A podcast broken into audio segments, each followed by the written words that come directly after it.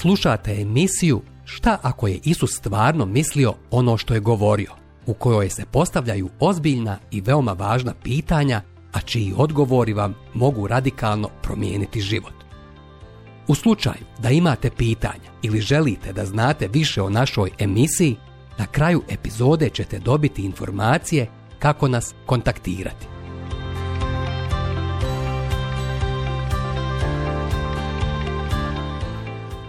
igra upoređivanja i osuđivanja. Naša međusobna upoređivanja su još jedan način okretanja glave od Božje riječi.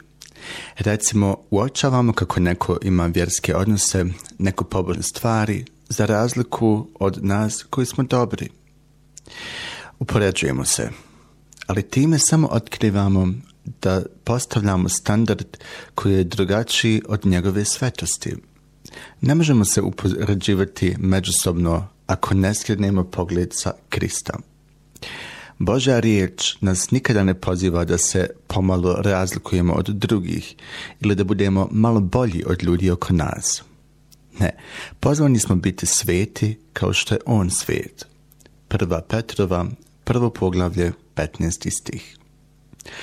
Savršeni kao Otac naš nebeski, Matej 5, 48 pozvani smo ga oponašati kao njegova voljena djeca. Efežani, peto poglavlje, prvi istih.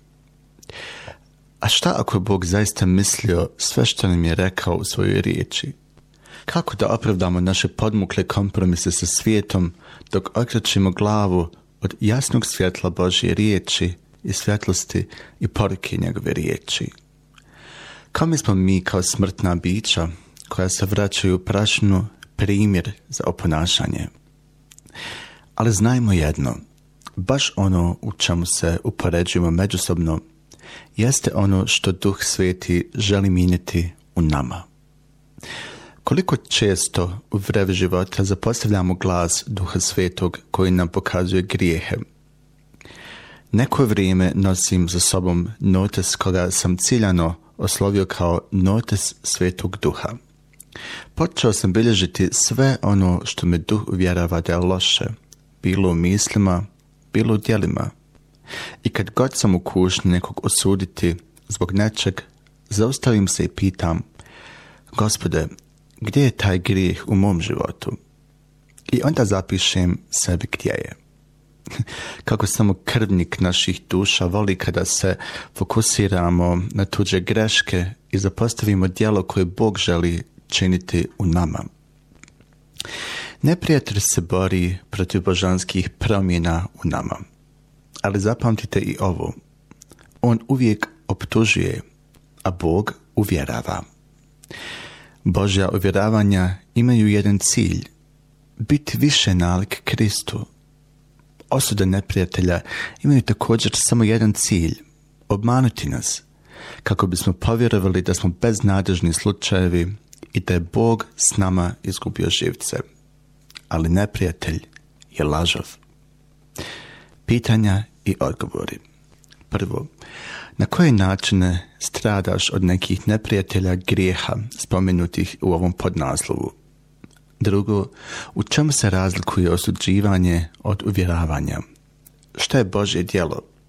Postoji li neko životno područje u kojem se osjećaš osuđeno? Kako možeš životom bože riječi preoblikovati svoje razmišljanje u ovom domenu? Oblikujmo se po duhu svetom. Dok sam živio na Bliskom istoku, bio sam trener plivanja, što mi je pričinilo jednu od najvećih radosti života. Stvarno sam uživao u tome ne zbog samog sporta, već zbog ljubavi koju sam gajio prema svakom iz ekipe ponosob a naš tim je bio skup tako različitih pojedinaca, djece iz više od 20 nacija, od Australije, Italije, Južne Afrike i Holandije. Svakog dana su mališani slušali moj glas, vjerojatno i više nego što su željeli. Vremenom su ga dobro upoznali, posebno kada bih oštro vikao idemo rotacija, stegni, ruke gore. Ali kada bi došao dan takmičenja, od brujanja mase, povika roditelja i ostalih na tribinama, moj bi se glas gubio u vrevi. Zato bih posebno najmlađe plivače povukao u stranu i rekao im usredsredite se ne samo na jednu frekvenciju, na glas svog trenera. Imajte na umu sve što sam vam rekao. Glas Duha Svetog. I kao što je moj tim trebalo da pazi na moje povike i na sve ono što sam ih učio, tako i predani Isusovi sljedbenici moraju naučiti jedno. Prepoznavanje glasa gospodnjeg usred zbrke preglasnog svijeta. A kakav je glas duha svetog? Vrlo jednostavan.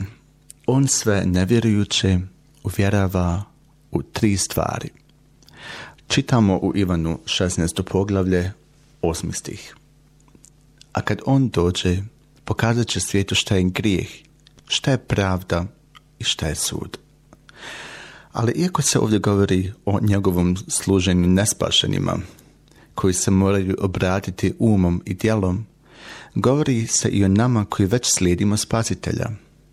Riječ je o novom putu za koji smo se odlučili na koji nas njegov glas uvijek takne u srca uvjeravajući u vezi ovo troje.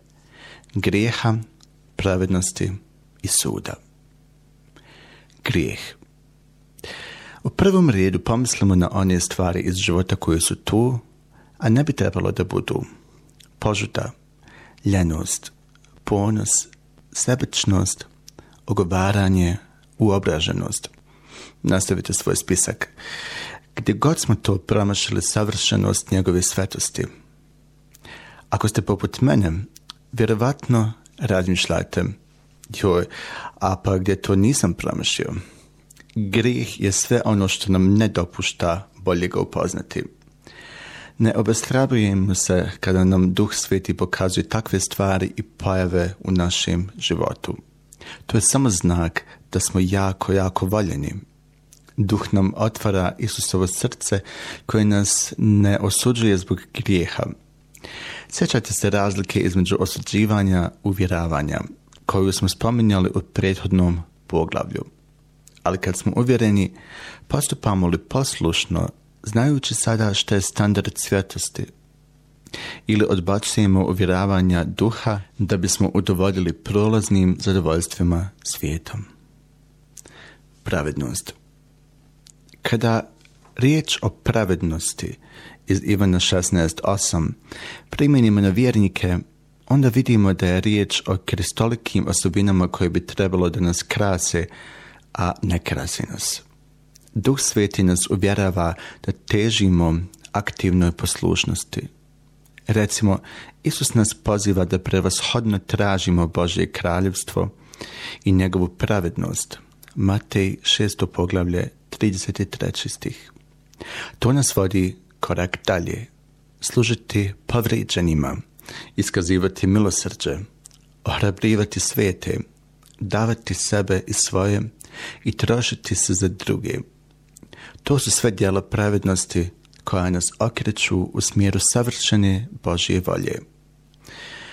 Baš kako se Epafre molio za vjernike iz Kolosa, da ih Bog učvrsti da budu zreli i potpuno uvjereni u ono što Bog hoće.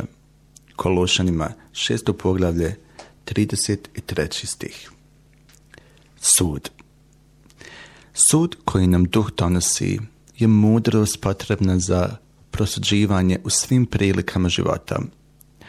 On to iskreno želi dok idemo kroz život. Potrebno nam je Kristov um za mnoge izbore – a još važnije je to što želi u nama oblikovati ispravan stav uz svaki izbor. Dakle, nije najvažnije koji ću fakultet odabrati, već šta želim postići sa tim obrazovanjem. Želi li moje srce ostaviti trag Božje slave u svim mojim razmišljanjima, riječima i postupcima na tom mjestu? Nije stvar toliko na koji posao smjeram, već želim li da se Bog proslavi kroz ono što radim. Znam da često produhovljavamo donošenje odluka, baš kada se Bog želi proslaviti bez nekih posebnih okolnosti, jer On najčešće želi da hodamo putem koji nam je već otkrio kao onaj koji je njemu ugodan – Može nam neće čudasno pokazati koju kuću kupiti, ali će nam dati potrebnu mudrost za kupovinu, dobru procjenu i izbor od vječne vrijednosti. Na kraju svakog dana duh nam želi ukazati na Isusa i proslaviti ga. I kada dođe on, duh istine, uputit će vas u svu istinu. On će me proslaviti jer će od mene primiti i vama najavljivati. Ivan 16. poglavlje 13. i 14. stih. Prezauzeti da bismo bili sveti. Ako nas sve što radimo gura dalje od Boga i krade nam bliskost s njim, trebalo bi da se preispitamo i pitamo čiji ja to glas slušam, čiji pravac slijedim. Ako radim toliko da nemam vremena za gospoda, za boravak kraj njega, onda sam prezauzet i radim više nego što zahtjeva od mene. Ako ono što radimo ljude upućuje na nas, ako se nama aplaudira za postignuto, onda provjeravamo koga slijedimo. Pazimo, Bog ni sa kim ne dijeli svoju slavu. Kada sva hvala ide nama, Bog ostaje bez nje. Udubimo se u ove istine. Ne želimo trud i vrijeme. Kada i gdje smo umjesto Boga primili slavu? Također, gdje i kada umjesto Bogu drugima dajemo slavu? Živimo u haotičnom svijetu. Sve je sva što se bori za našu pažnju i vrijeme. Posao, novac, porodica, zabava, prijatelj, politika, sukobi, odnosi, strahovi. Ako se mučim razaznati glas u toj vrevi, nije li mi život postao prezauzet? Nije to stvar naših prepoznavanja mnogih glasova. Ne, samo nam je jedan potreban, glas duha. On nas poziva riječima psalmiste. Utihnite i znajte da sam ja Bog. Psalm 46, 10 stih. Nije ovo zapovijest za muklom tišinom, već za predanost bogopoznanju. Poziv na uočavanje ko je on i gdje je on u našem životu. Što to želi od nas sada i ovdje gdje smo? Ne možemo uvijek utišati bučni svijet oko sebe, ali možemo uvijek slušati glas svog gospodara. Možemo stalno prebivati u njegovoj riječi. Isus podsjeća učenike. Moje ovce slušaju moj glas. Ja ih poznajem i one idu za mnom i podsjeća ih da će ih duh opomenuti na sve njegove riječi. A pomagač, utješitelj, duh svijeti koga on šalje u moje ime, poučit će vas svemu i podsjetit će vas na sve što sam vam rekao. Ivan 14. poglavlje 26. stih. Samo u životu odricanja od sebe možemo čuti glas Duha Svetoga i poslušati ga. Upamtimo ovo. Ako nam šumi veze sa Bogom, to nije do njega. On nam neprestano govori po svojoj riječi. Samo je jedno pitanje, slušamo li ga? Ako smo prezauzeti za to, onda smo stvarno prezauzeti. Djelovanje svetog duha. Jedna priča govori o dječaku koji je posmatrao duboresca kako dijetlom i čakićem dalje od hrasta. Pri, prišao mu je ljubopitljivo i upitao, a šta pravite od tog drveta? Lava, odgovorim umjetnik. Dječak ga i dalje netremice posmatrao, sav začuđen. Ali kako vidite lava u tom balvanu, upitao još jednom. Umjetnik zastade, odlože aletke i reče mališanu. Vrlo lako, samo odstranjujem višak drveta. Kada to uradim i sa posljednjim iverijem, eto lava. I do sveti radi tako u nama kada nas vodi u svu istinu. Cilj mu je učiniti nas kristolikim, sasvim nas promijeniti u Kristov oblik. Kako? Odstranjujući sve ono što ne pripada Kristovom liku – koji je prvi korak poslušnosti u koji nas duh vodi? Ne očekujte da vam pokaže korak broj 2 dok ne napravite otkriveni korak broj 1. Ovo zemaljsko hodočašće je jednostavno putovanje vjerom, hodanje u njegovom duhu i poslušnost iz časa u čas. Ovaj uzvišeni odnos nosi u sebi ozbiljne odgovornosti. Hajdemo porazmisliti zajedno sljedeće tri biblijske zapovijesti. Ne gasimo duha svetog. Ne gasite duha. Gašenje je uvijek suzbijanje vatre. Duha gasimo u sebi, kao njegovo djelovanje u nama kada se ne odazivamo njegovim uvjeravanjima. Tada propuštamo da zasvjetlimo kao svjetiljke u svijetu. Duh sveti želi voditi vjernike u istinu, ali ne želi nas prisiljavati na poslušnost. Ne žalostimo Duha Svetog i ne žalostite Božeg Svetog Duha kojim ste zapečaćeni. On je jemstvo da će doći dan vašeg otkupljanja. Uklonite iz svoje sredine svaku gorčinu, gnjev, srčbe, viku i vrijeđanje kao i svako drugo zlo. Budite dobri jedni prema drugima, milosrdni, praštajte jedan drugome kao što je Bog po Kristu oprostio vama. Efežanima, četvrto poglavlje, od 30. do 32. stiha. Kako zadivljuće izjave. Glagol žalostiti je upravo glagol koji koristimo kada je riječ o tuzi živih za pokojnim Duha Svetog baš tako žalostimo kada ne živimo u svetosti i ljubavi. Zamislimo se nad ovim. Bog dozvoljava da ovako krka bića kako smo mi, ljudi, žaloste Boga Duha Svetog. To samo pokazuje koliko je u srcu milostiv i darežljiv prema svojoj djeci – ali pokazuje koliko smo mi nemilostivi i nezahvalni kada zadajemo bol onome koji nas toliko voli. Ispunimo se duhom svetim. Ispunjavajte se duhom, govorite jednim drugima riječima psalama, himni i duhovnih pjesama. Pjevajte i slavite gospoda u svom srcu. Uvijek zahvaljujte za sve Bogu i Otcu u ime našeg gospoda Isusa Krista, Efežanima, peto poglavlje od 18. do 20. stiha. Biti pun duha svetog znači biti osnažen Isusovim duhom, preplaven njegovom radošću, ljubavi, svim atributima u kojima se ogleda njegov savršen karakter – po definiciji stvari, ako bismo ispunjeni bili duhom jednim, nema u nama mjesta za nešto drugo.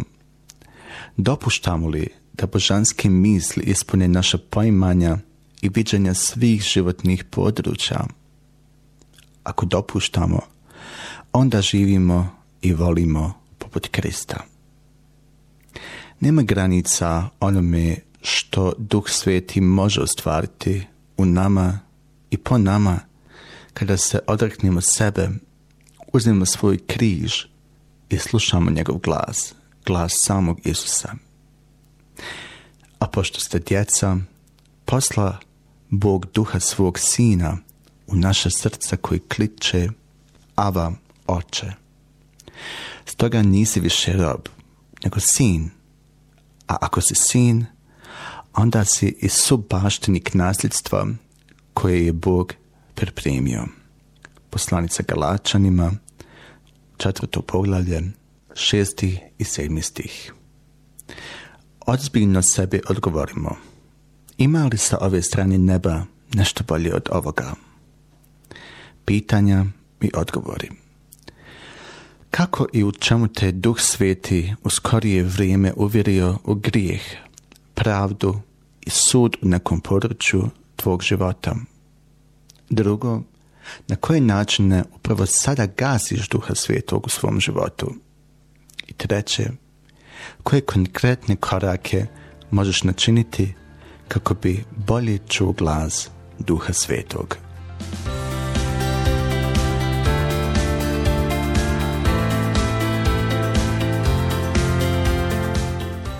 Hvala vam što ste slušali današnju emisiju. Kontaktirajte nas putem našeg e-maila putpravednosti.bih at gmail.com ili putem naše Facebook stranice Put pravednosti. Zapratite nas na Facebooku i Instagramu. Do sljedećeg slušanja.